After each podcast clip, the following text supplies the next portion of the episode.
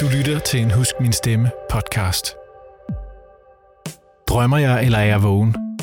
Det er måske det mest kendte citat fra Ludvig Holbergs Jeppe på bjerget. En replik, der bliver leveret, da Jeppe forvirret vågner op i baronens seng, efter at have fået alt for meget brændevin dagen før hos Jakob Skomager. I det her afsnit er der hverken brændevin eller drilske lakajer på spil. Det er til gengæld historien om en ung kvinde, der den ene dag lever et liv med stjernedrømme på bistandshjælp, og den næste dag vågner op til livet som popstjerne.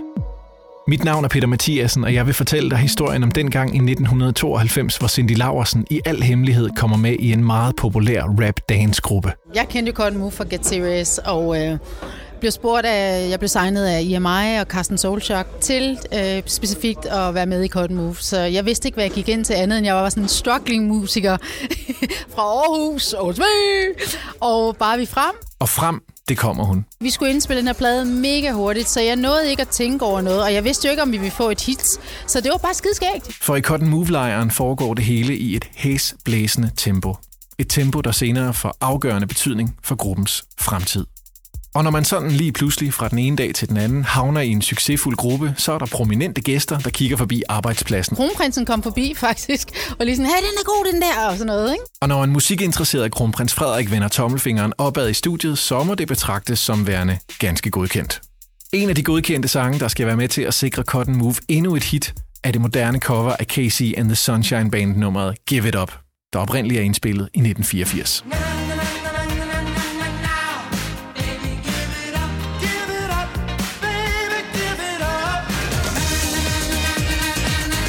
Vi indspiller Give It Up, og jeg tager på ferie og får en fax. Det var tilbage i faxens tid. Der står, øh, kom til Danmark med det samme stop. I ligger nummer et over det hele. Og så vendte hele min verden sig bare om fra den ene øjeblik til det andet. Så det var ret vildt. Vi anede jo ikke det her kæmpe øh, succes, vi ville få ud af det her. Vi havde håbet det, men ikke så gigantisk, som det var. Det var slet ikke til at være med. Cotton Moves andet album, Peace, Love and Harmony, lander efter bare tre uger på førstepladsen på den danske albumhitliste. Og albummet bliver fast inventar i top 10, i flere uger kun overgået af den samme, der holder Hathaway væk fra førstepladsen i Tyskland, nemlig Whitney Houston og The Bodyguard soundtracket. De andre havde jo prøvet, kan man sige, på Get Serious og Spread Love, havde de prøvet lidt af, af den her succes med Billboard uh, Top 100 og sådan nogle ting.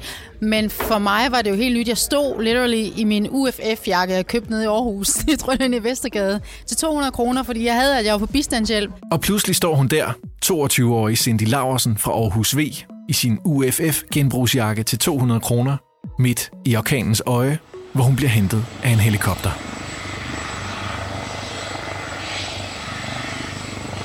Ombord i helikopteren er også gruppens anden sangerinde, Thea Højmans og rapper MC Sip, og sammen flyver de tre bandkammerater til Odense. De lander på taget af en McDonald's-restaurant, hvor de skal optræde med et par sange, og nyheden om, at et af tidens hotteste navne lander lige midt i Odense for at give koncert, har spredt sig som en steppebrand. Der var skrigende børn over det hele. Der var ruder, der blev smadret. Der var Beatles-tilstande, skrev øh, nyhederne. Og det var så mærkeligt at gå fra den ene dag, stod jeg nede på Vestergade 58 i Aarhus og jammede med mit eget band Small Stars. Næste øjeblik, så var jeg bare popstjerne. En popstjernes kalender er fyldt til bristepunktet med aftaler om indspilninger, fotoshoots, interviews, øvere og møder med pladeselskabsfolk og managers og mange andre ting.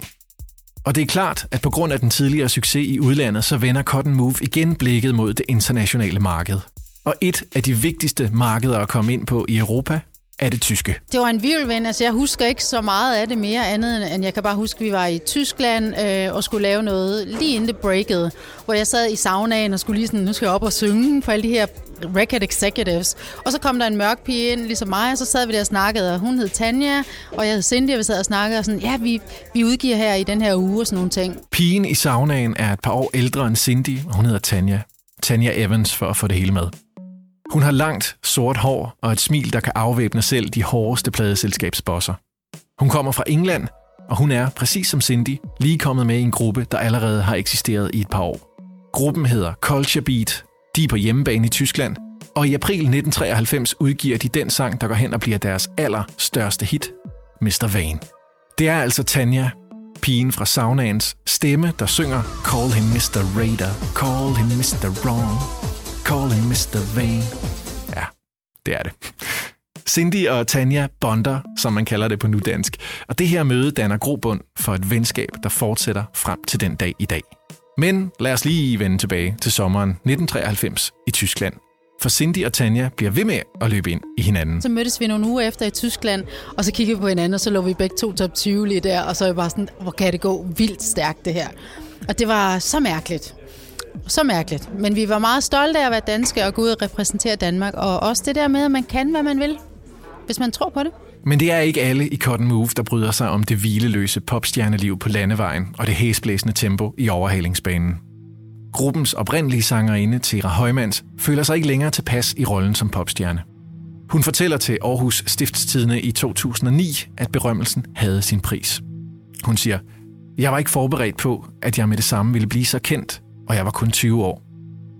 Med 15 unger rendende efter mig, har jeg prøvet at skulle ud og handle, hvor jeg ikke kunne prøve en kjole, fordi de hang ind over prøverummet.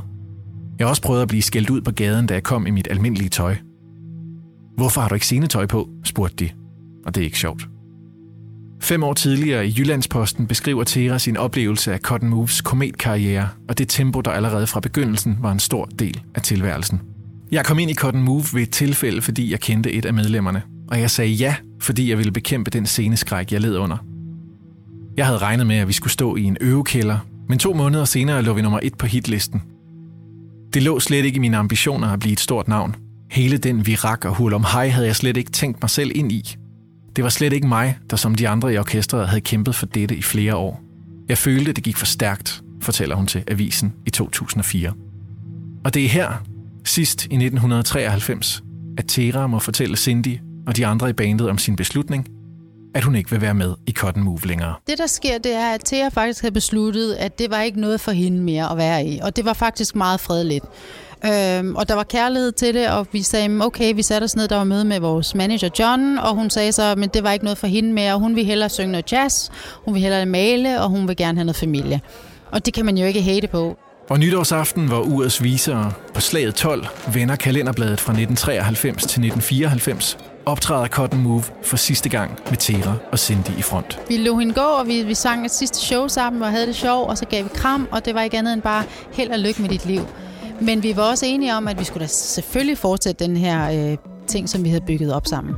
Og på trods af, at de er blevet et medlem fattigere, så går der ikke længe før Cotton Move igen ligger øverst på en hitliste langt fra Danmark, nemlig på den australske single hitliste, hvor de bliver liggende fire uger i træk. Du kan nok godt fornemme, at vi ikke er helt færdige med historien om Cindy Laversen og Cotton Move endnu. Og jeg kan love dig, at det er ikke sidste gang, du kommer til at møde Cindy, hvis du altså trykker på abonner der, hvor du lytter til podcasten lige nu. Du kan også følge med på Husk Min Stemmes Facebook-side og Instagram. Bare søg på Husk Min Stemme eller besøg huskminstemme.dk. Afsnittet er tilrettelagt, produceret og mixet af mig. Jeg hedder Peter Mathiasen. Tak til Cindy Laversen, pladeselskaberne og Vi Elsker 90'erne. Og selvfølgelig tusind tak til dig, fordi du lyttede med.